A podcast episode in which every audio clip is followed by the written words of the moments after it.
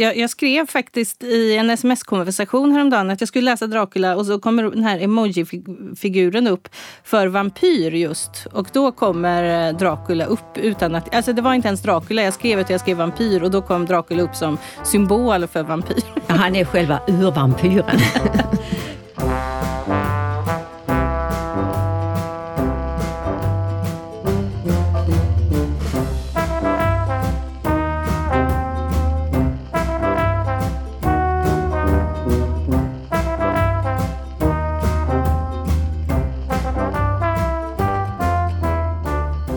Hej och varmt välkommen till den litterära salongen Banbrytande berättelser med mig, Hanna Gedvik. Banbrytande berättelser det är en föreläsningsserie som arrangeras av Jonsereds herrgård, Göteborgs universitet och institutionen för litteratur, idé och lärdomshistoria och religion, även den vid Göteborgs universitet. Och banbrytande berättelser handlar om litteratur som har förändrat synen på människan och världen som påverkat lagstiftning, samhällsordning och historieskrivning och i en del fall skapat nya villkor för dikten själv. Och därför säger jag nu välkommen till dig Yvonne Leffler, professor i litteraturvetenskap vid Göteborgs universitet. Tack så mycket.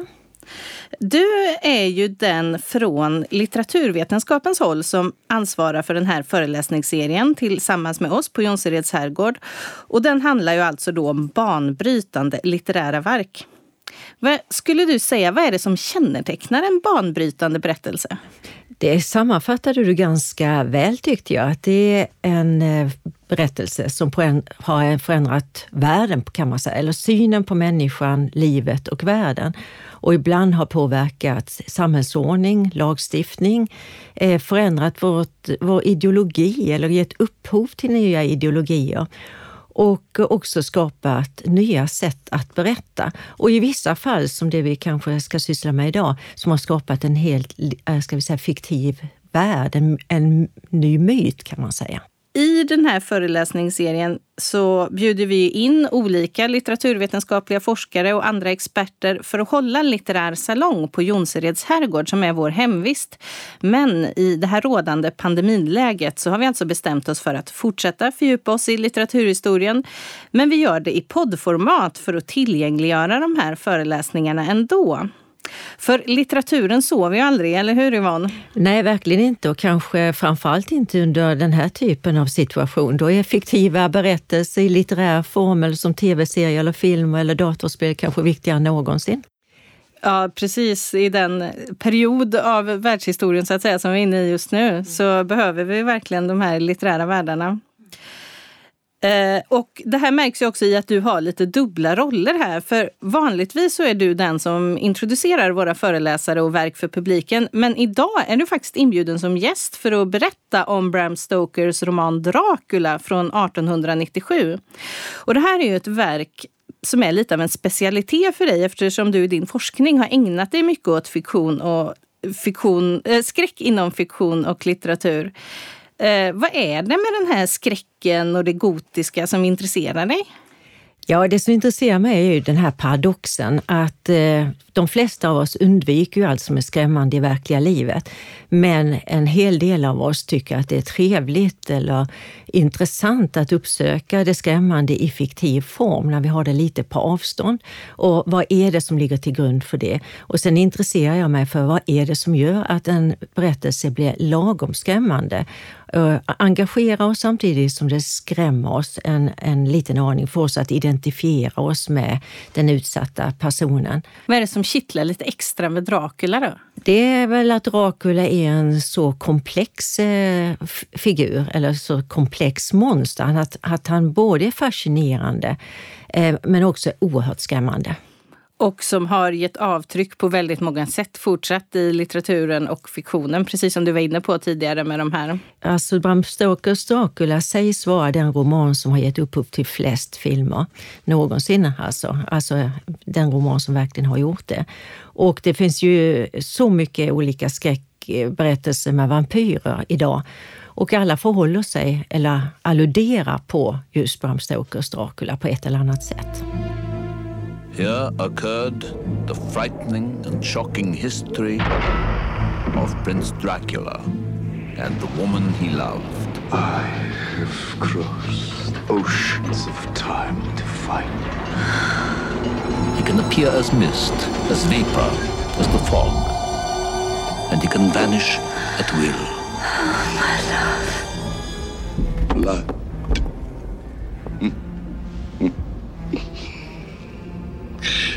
Is the precious thing in these times. Welcome to the Carpathians. I am anxiously expecting you. Om vi börjar i, vad är det som gör att Dracula är ett banbrytande verk? Alltså det är den första eh, vampyrberättelsen som fick ett så enormt genomslag. Eh, och Eh, dessutom formade hela bilden av eh, vampyren. Alltså Dracula har alla de här karaktärsdragen som vi känner igen från senare vampyrer eller som har påverkat senare vampyren. Han byter skepnad, han är fladdermus, han är varg, han eh, suger blod och han föredrar kvinnliga offer. Eh, han eh, har den här hypnotiska kraften, han nästan hypnotiserar sina, sina offer. Eh, han eh, är ett monster som både är levande och död på något sätt. Han representerar både det förflutna och det samtida. Han är både djur och människa på något sätt. Och man vet inte, kittlingen ligger ju lite i att läsaren vet inte vad det här är för figurer när man börjar och inte Nej knappt ens när man har läst färdigt. Man får lägga något slags pussel som, där det inte ja. finns några tydliga svar. Ja. Och då ska vi tänka på att när den här kom 1897, då hade ju flertalet läsare inte träffat på den här typen av vampyr. Alltså man kände inte till det här att man kunde skrämma iväg vampyrer genom att hålla upp ett kors eller lägga ut vitlök. Utan allt det där finns ju i Stokers roman och blev sen tongivande. Ja, för det, det, finns ju också väldigt många såna här eh, symboler och, så, som vi känner igen från skräcken idag. tänker jag. Det är vargar som ylar och det är fullmåne och det är mycket sån där, det här ödsliga, karga och sådär. Mm. Som vi också känner igen idag. Liksom. Ja, absolut. Men om vi ska, jag tänker bara, för, för jag tror att många känner till Dracula på lite grann så, men om du skulle sammanfatta handlingen, vad säger du då? Ja, den är inte lätt att sammanfatta, men det börjar ju som en resa när Jonathan Harker ger sig iväg från England till Transylvanien. Han är eh, jurist och han har fått ett uppdrag att det finns en eh, en greve Dracula i Transylvanien som vill köpa en egendom i London. Så han ger sig iväg på detta uppdrag. Då. Och under resan blev det ju allt mer skrämmande. Han kommer ju allt mer in i någon sorts skräckvärld, mardrömslik värld. Och inte minst när han då anländer till Draculas slott där ingenting är normalt, i alla fall inte i jämförelse med hur livet går till i London. Och eh, han utsätts ju också för olika faror här. Eh, och se, sedan lämnar vi honom där. Han skriver dagbok och det är den vi tar del av. Och sen får vi veta vad som hände hans trolovade Mina eh, i London då, får, eh, när hon har en korrespondens med en väninna, Lucy som har tre friare. Mycket vacker och förmögen Lucy. Hon verkar väldigt populär. Ja, hon är mycket populär eh, och samtidigt som detta äger rum så anländer faktiskt Dracula till London i, på ett fartyg, i sin kista naturligtvis. Och eh, hans första offer blir just eh, Mina Harkers väninna Lucy. Och så får vi eh, eh, liksom följa hur han, hennes tre friare plus vampyrjägaren nummer ett, Van Helsing, försöker eh, utreda vad det är som händer henne. Varför hon förvandlas, varför hon förlorar blod. Eh, och sen inleds jakten på Dracula. Count Dracula? I am Dracula. I trust you have kept your coming here a secret. I followed your instructions implicitly. Listen to them.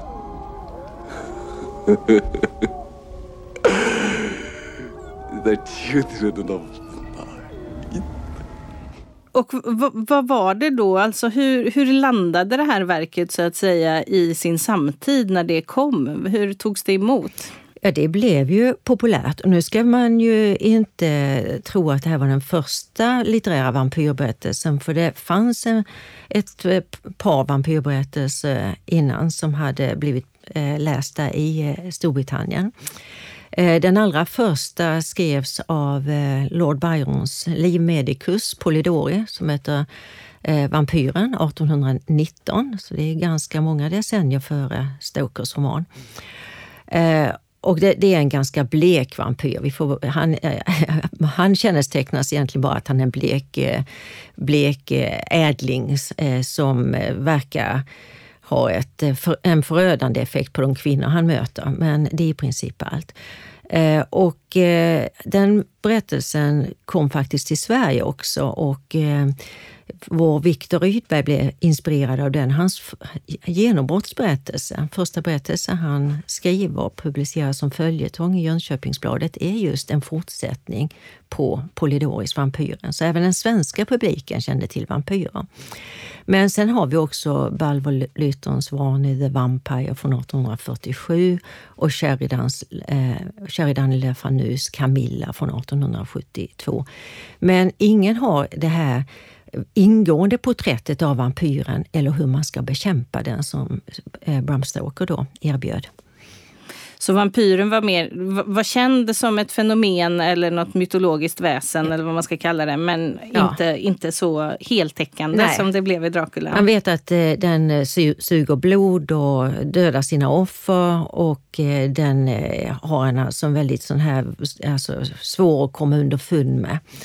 Och är någon typ av levande död. Va? Det känner man till. Och vad är det då som gör Dracula till just en skräckroman? Är det lite det vi har varit inne på här? Att den, det här obehagliga som hela tiden finns? Ja, eh, Stoker har ju skrivit den här som ska vi säga någonstans, en väldigt fragmentarisk roman. Vi tar del av händelserna via Jonathan Hakers dagbok, Mina Hakers dagbok, brevväxlingar mellan Lucy och Mina. Eh, också van Helsings eh, dokument och eh, en del av de här eh, Lucys friares dagböcker och brevväxlingar. Eh, och det innebär att vi som läsare, vi får ju fragment. Vi får aldrig träffa Dracula, vi får aldrig höra hans röst eller hans berättelse. Mer än indirekt och det kan vi återkomma till. Eh, utan vi får se honom utifrån. Men vi får se dem, eh, honom också utifrån de personer som är hotade. Så han är ju en gåta för dem och samtidigt så identifierar vi oss ju väldigt starkt med dem som berättar eller delger oss sin eh, upplevelse av Dracula och vad som händer, allt mystiskt som händer runt omkring medan de befinner sig under hot. Precis, för man får ju lite lägga det här pusslet själv då och man förstår att, eh, att här finns det något hotfullt och något läskigt men inga, då, inga, i bok, inga personer i boken har heller några svar riktigt. Ju. Nej, de vet ju inte från början. Det är ju bara van Helsing som har lite erfarenhet av vampyrer. Men de andra är ju liksom noviser. Men jag har förstått också att Dracula är baserad på en verklig person, eller? Ja, eh, till viss del. Eh, alltså ett, eh, Vlad Tepe som levde i mitten på 1400-talet och eh, var alltså en adelsman och eh, krigare och oerhört känd för sina grymheter i kriget mot turkarna där han ska ha pålat de han eh, av, eh, avrättade. Eh, och eh, just Bram Stokers Dracula är ju också väldigt noga med att po poängtera sina anor, att han är en furse, han är en transylvansk bojar. Eh, det påpekar han flera gånger för Haker. Eh, men sen har ju då Stoker utrustat honom med de här övernaturliga egenskaperna, att han kan förvandla sig till en fladdermus eller varg. Eh, att han har den här hypnotiska tjuskraften, eh, att han inte syns i en spegel och att han måste förflytta sig i en kista med hemlandets jord och att han skyr de här kristna symbolerna som kors och blat och inte tål vitlök. Vi ska prata mer om det, just liksom symbolen Dracula, men jag tänker också på det här som du var inne på lite tidigare, att man, man vet ju inte riktigt om det här händer på verkligheten eller om det är huvudkaraktären Harker som förlorar förståndet. Mm. Eller, och det, det, är den här balansgången som eh, blir så spännande i Dracula. Absolut, absolut. Att vi som läsare befinner oss på ett gungfly här. Vad är yttre verklighet och vad är, är de här eh, fiktiva personernas inre upplevelse? 25th May, Budapest. Left Budapest early this morning. The impression I had was that we were leaving the west and entering the east. The district I am to enter is in the extreme east of the country, just on the borders of three states Transylvania, Moldavia, and Bukovina, in the midst of the Carpathian Mountains, one of the wildest and least known portions of Europe. I den här början av romanen så åker ju eh, huvudkaraktären Harker över till Östeuropa och man får över till Transylvanien där han ska träffa den här greven då, där han har fått ett uppdrag som advokat. Det är det enda han vet egentligen. Och det målas ju upp en väldigt dyster bild här när han åker från England och över, över floden här, över Donau, över till liksom det här mörka i öst och sådär. Alltså va, vad handlar det här om? Vad, vad, liksom, vad är det för symboler inbyggda här? Ja, det är ju en mängd. Eh, men man kan ju säga här att Haker och eh, alla vampyrjägarna representerar det viktorianska England och eh, det moderna England från sin tid. Då. De har ju också yrken som representerar det ska vi säga, urbana viktorianska samhället. Haker är jurist. Eh, Dr. Seward är läkare, alltså vetenskapsman, precis som van Helsing. Och sen har vi en amerikansk eh, affärsman, Morris, som också uppvaktar Lucy.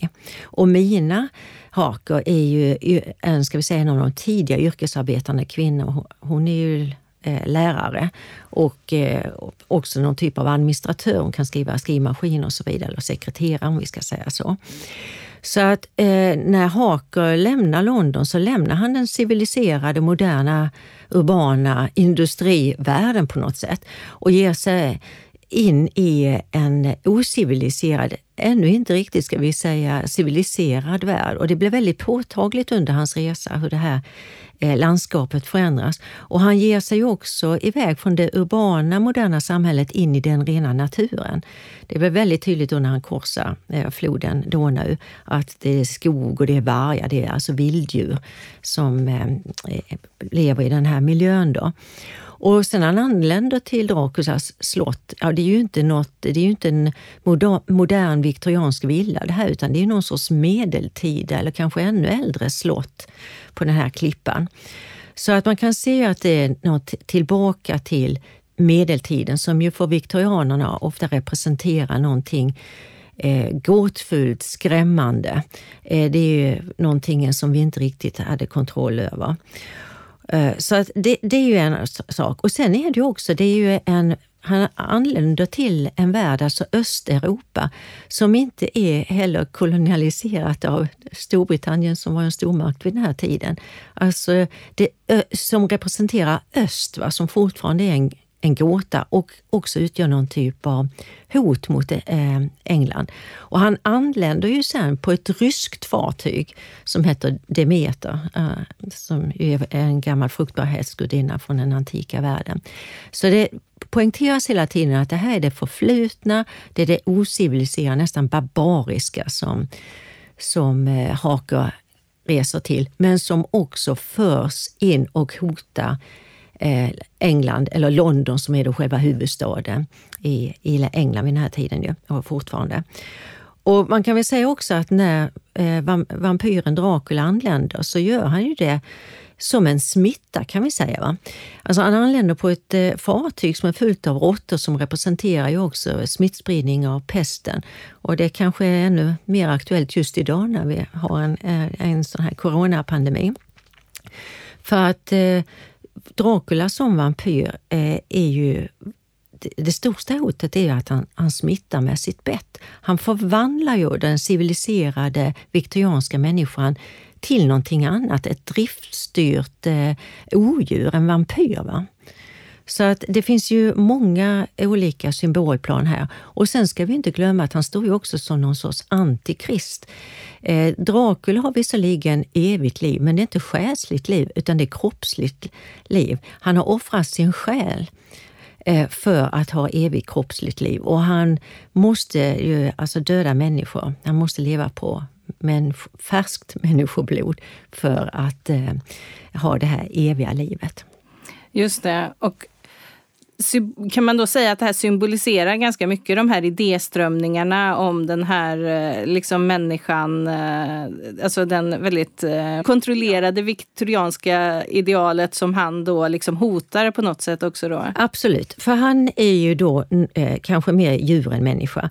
Van Helsing säger ju också att han är ociviliserad, han har en barns själ, han är helt driftstyrd. Det finns i princip Eh, Eh, en stor drift och det är att han ska överleva, alltså han ska äta. Men också finns det en sexuell eh, eh, dimension i hans sätt att äta. Då, va? Så att man kan säga att han drivs av föda, alltså han är predator, och att föröka sig sexuellt då, på sitt väldigt speciella sätt.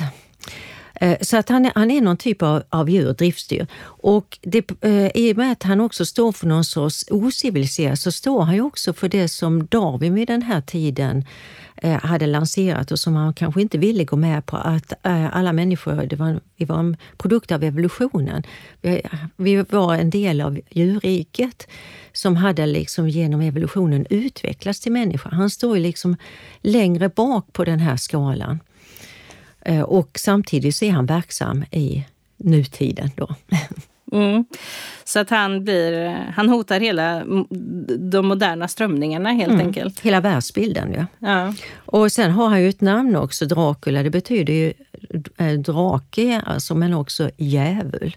Så att han hotar ju hela det kristna värdesystemet också med sin existens. Just det. Medan då Lucy då, förstår jag, står för någonting helt annat.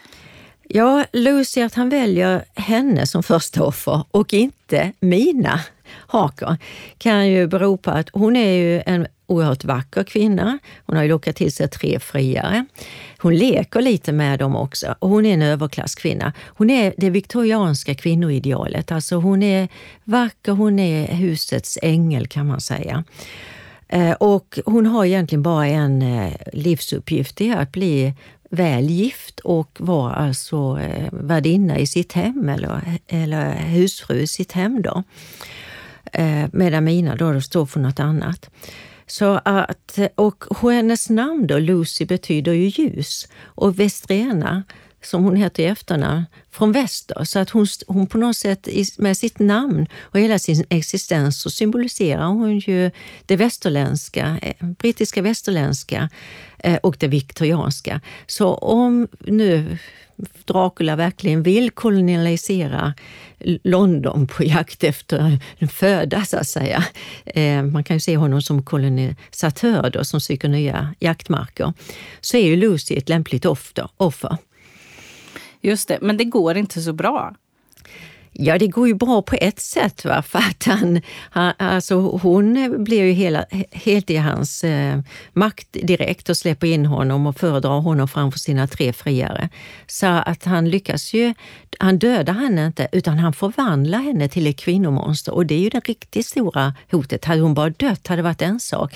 Men han får ju, i och med att hon blir vampyr, en medhjälpare, då, en kvinnlig medhjälpare som är lika liksom driftstyrd som hon. Och det är kanske det mest skrämmande för hennes friare och van Helsing att se den här förvandlingen från den här ideala kvinnan som förvandlas till det här monstruösa kvinnomonstret. För det som är ännu värre än en manlig vampyr är ändå en kvinnlig vampyr. Absolut, i den här tiden. The power of his evil desire has no end. You've got to go to him. You've got to love him. Now that you have learned what you have learned, it would be well for you to return to your own country. I prefer to remain and protect those whom you would destroy. You are too late. My blood now flows through your veins. Aren't you drinking? I never drink. Why? Som vi redan har varit inne på så får man ju lägga pussel lite med de här dokumenten och breven som utgör romanen. Hur banbrytande var den här formen när den kom? Ja, nu, vid den här tiden, alltså många hade ju läst brevromaner och dagboksromaner, så på det viset var den kanske inte så banbrytande. Man var van vid att lägga pussel. Eh, men den är det ju på ett annat sätt att vi har då eh, Mina Haker som är yrkeskvinnan, står representerar den moderna kvinnan, den nya kvinnan. Eh, och eh, hon eh, är ju också den som egentligen tar makten över hela den här berättelsen. Eh, för att eh, när eh, Lucy börjar förvandlas så blir det ju kan vi säga fyra män som blir vampyrjägare. Hennes tre friare och van Helsing. Och så är de, har de assistans av Mina Haker. Då. Och Mina Haker hon är visserligen inte ute med pålar på kyrkogården utan hon verkar i bakgrunden. Men hennes viktigaste funktion då är att vara någon sorts eh, ska vi säga, sambandscentral. Det är hon som skriver rent eh, det de pratar in. Det är hon som eh, tittar på källor. Det är hon som samordnar så att de inte ska glömma viktig information utan lägga pusslet. Hon är liksom som i sån här polisromaner. Hon är den som sätter upp den här ja, tavlan bakom och drar linjerna. Och hon, eftersom hon skriver rent dagböcker, brev, det som Dr. Stewart betalar in på fonograf graf, alltså alla de här eh, nya tekniska hjälpmedlen behärskar hon och skriver in, så har hon ju kontroll över berättelsen. Det är hon som är ju den interna berättaren här och som har kontroll över berättelsen helt och hållet. Så hon har en otroligt viktig roll för eh, romanen då. Och eh, alltså hon är också den de alltid återvänder hem för att eh, ladda batterierna, skulle vi säga idag. eh, och eh, Sen händer ju det här att hon eh, faktiskt eh, så småningom blir biten av Dracula när hon inte är bevakad av de här fyra männen. Men hon är ju mycket starkare än Lucy. Som den här moderna kvinnan. Så att när hon blir biten så vet hon om det. Hon förstå att det här gör någonting med henne. Dracula har ju tagit sig in i henne eh, och eh, står i förbindelse med henne och har fått viss makt med henne, men hon kan eh, stå emot det, eller slåss mot det. Och Det är också hon som kommer på den här geniala idén att i och med att hon står i förbindelse med Dracula så är det via henne man, männen kan gå för att få veta vad Dracula håller på att planera eller vad som är Draculas nästa drag. Och när hon låter sig då hypnotiseras, hypnos var ju också en sån här ny, eh, ska vi säga, eh, något nytt man ägnar sig åt väldigt mycket och var fascinerad av för att nå in. Mm. Eh, så låter hon van Helsing hypnotisera henne för att hon ska veta var befinner sig Dracula då. Och så eh, blir hon Dracula. Hon tar sig in i hans medvetande och förstår att nu är han ombord på ett skepp tillbaka till Transylvanien. Så att det, de kan inte jaga honom i London, de måste ge sig iväg till Transylvanien för att ta koll på honom. Men går det ens att besegra Dracula? Ja, i den här romanen blir han ju besegrad. Vi har ju pålarna. Pålarna kommer till sin rätt till slut. Mm. Vad har vi för verk och romaner efter den Dracula här nu då, som har påverkat starkt av den här berättelsen? Ja, det finns väl eh, framförallt eh, har han blivit väldigt stor i filmen. Då. Alltså vi ska ju, om vi tänker på moderna verk så har vi John Arvid Lindqvist, Låt den rätte komma in. Vi har hela Twilight-trilogin, eh, eller ännu fler, för det finns uppföljare till den. då. Vi har ju Vampires Diary, vi har otroligt många vampyrberättelser och så har vi alla filmer som den har gett upphov till. Och han, Eh, på 50-60-talet hade vi alla de här eh, Hammerfilmerna där man ju tog fasta också på Draculas erotiska tjuskraft med Christopher Lee som Dracula. För att det, den här romanen, det som säkert kittlade samtidigt är ju att den är oerhört erotisk, sexuell. Alltså de här när Dracula besöker Lucy i det viktorianska samhällets allra heligaste, alltså en kvinnas sovrum eller boudoir. Han tar sig in i det och angriper det som ska skyddas, alltså den, den brittiska kvinnan, den vita kvinnan. Eh, men så framställs det också som, som en, en sexuell akt, en förförelse. Och hon också som att hon, ju mer hon blir påverkad, desto mer är hon förförisk och bjuder in honom. Eh, och han, han biter henne. Men sen också när eh, de här eh, vampyrjägarna på van Helsings eh, initiativ ska rädda henne från vampyr, vampyrens inflytande så är det ju, hon är ju helt anemisk, här, hon måste ju ha blod. Och då ska de ju ge henne blodtransfusion. Och då, då så penetrerar de ju henne inte med tänder utan med medicinska instrument. Och då är det hennes, den som har friat och som hon är som är hennes eh, fästman, eh, som först ska ge blodtransfusion. Och eh, då ser han det faktiskt som en fullbordan av äktenskapet, alltså ett samlag. Och van Helsing säger då, så att vi inte ska missa dessa konnotationer, att och jag då, som varit trogis i min länge döda fru, eh, fru har jag begått bigami när han också mm. ger blod? För alla de här, man kan ju se det här som en massvåldtäkt, att fyra män står där och ger mm. henne blodtransfusion för att återbörda henne från Dracula. Mm. Men vad vet man om de här? För att det här verkar ju ändå vara ett framgångsrecept om man får säga så. Att kombinera det här, de erotiska undertonerna mm. med de här liksom drifterna och det här skrämmande. Att man dras till någonting som, eh, som vi vet är dåligt för oss eller som vi inte får dra till, dras mm. till. Eh, alltså, vet man någonting om vad Bram Stoker influerades av när han skrev det här? Alltså föregångarna, de, de eh, här tidigare vampyrberättelsen har ju det här erotiska elementet också. Eh, den här La Fanus Camilla till exempel, då är det en kvinnlig vampyr som suger en annan kvinnlig, kvinnas eh, blod. Alltså det är en homoerotiskt förhållande där. Så de, de är ju fulla av eh, erotik. Alltså, man brukar säga att Eh, Eh, skräckberättelsernas framgångsrecept, det är då det här vi har pratat om, att man ska bjuda in eh, läsaren eller åskådaren eller vad det är, att delta från någon typ av intern synvinkel och, eh, i den här fiktiva världen och uppleva det här skrämmande på lite lagom avstånd.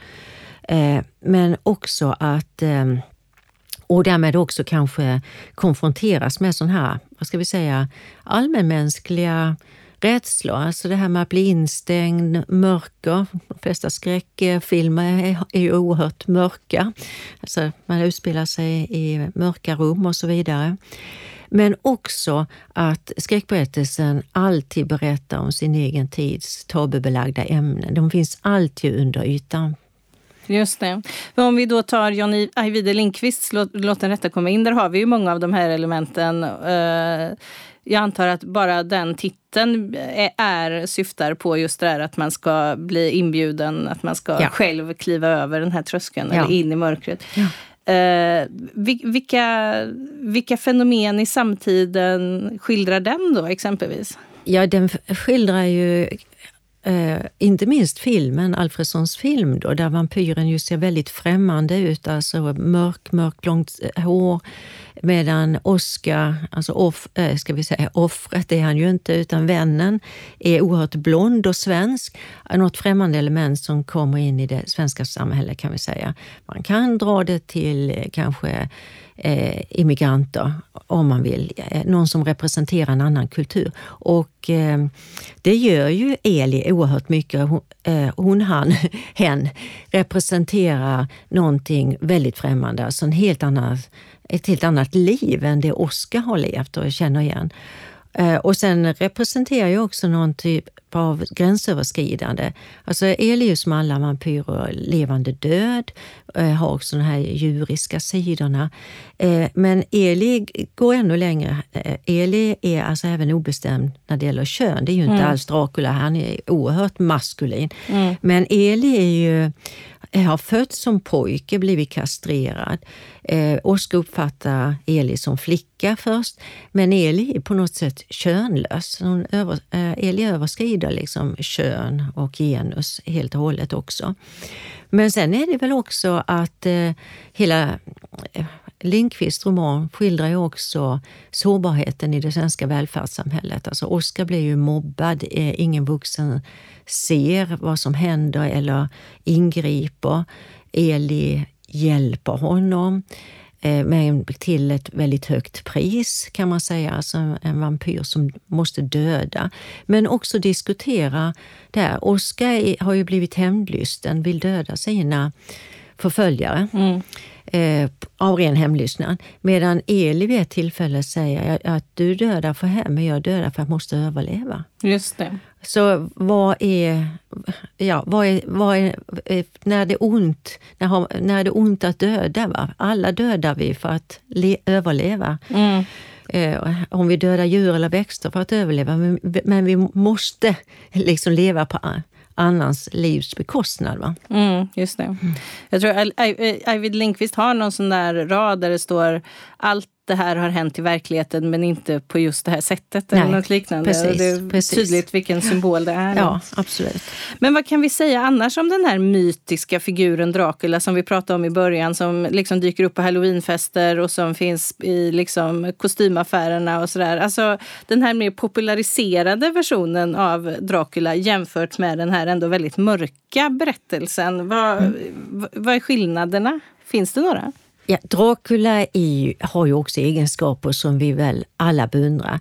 Vem har inte när man var barn eller kanske senare i livet velat ha den här hypnotiska kraften över människor, kunna manipulera människor? Det gör vi ju dagligen på olika sätt, men inte på det här sättet kanske. Eh, och det här med att kunna byta skepnad. Eller vem skulle inte vilja kunna leva eh, mycket längre än vi kan? Va? Alltså, Dracula kan ju dö om man pålar honom eller använder något av det som man kan döda en vampyr med. Men alltså evigt liv, inte minst i vår tid där vi hela tiden försöker förlänga livet på olika sätt och vi, vi drömmer om att vara evigt unga med plastikoperationer och andra sätt. Och en vampyr är ju evigt ung i den ålder som när, när, när den blev vampyr. Blir man vampyr som Eli Lindqvists roman när man är ungefär 12 så blir man för evigt till det yttre 12 samtidigt som man får en, alltså erfarenhet under hela sin livstid. Så vem skulle inte vilja hela livet gå omkring och se ut som en 25-åring och ha alla de här, eh, alltså vara fysiskt stark och frisk som en 25-åring samtidigt som man kanske hade en 300-årings erfarenhet och kunskap. Mm. Det är ju ett ideal kan man säga. ja, fast samtidigt så påminns vi också i de här berättelserna lite av, av den här ledan som uppstår och mm. att man liksom blir väldigt trött ändå på att leva så här länge. Jag har inget mm. bra exempel nu men det är mm. ändå någonting som återkommer tänker jag. Att man, det, så det påminner oss ändå om att uppskatta lite det här med, eller ställer frågor om vad, vad är, skulle egentligen vinsterna vara med ett e-, evigt liv också? Det är ett ganska högt pris man får betala som vampyr. Det är ett högt pris och det kanske är någonting som uttalas ganska många gånger i Twilight-serien. När eh, eh, den kvinnliga huvudpersonen här ska eh, för, eh, om hon ska förvandlas eller inte. Alltså, det är ju till priset av en mänsklig existens, alltså att ha mänskliga relationer och att, eh, ska vi inte glömma, kunna också vistas ute i dagsljus. Det är ju ganska trevligt. Det är trevligt. Mm. Ja.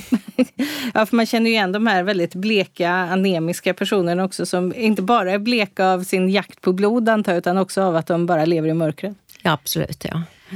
Så det, det, är också, det, det, verkar ju långtråkigt i längden. Det har ju vissa nackdelar och liksom behöva fraktas i en kista och ja. Precis. Vi får runda av där. Tack så jättemycket Yvonne Leffler, professor i litteraturvetenskap Göteborgs universitet för att du kom hit och berättade om Bram Stokers Dracula. Och tack för att jag fick komma hit och prata om romanen. Det var mycket intressant. Och det här var alltså första delen i serien Den litterära salongen Banbrytande berättelser som är ett samarbete mellan Jonsereds herrgård, Göteborgs universitet och institutionen för litteratur, idé, lärdomshistoria och religion, även den vid Göteborgs universitet.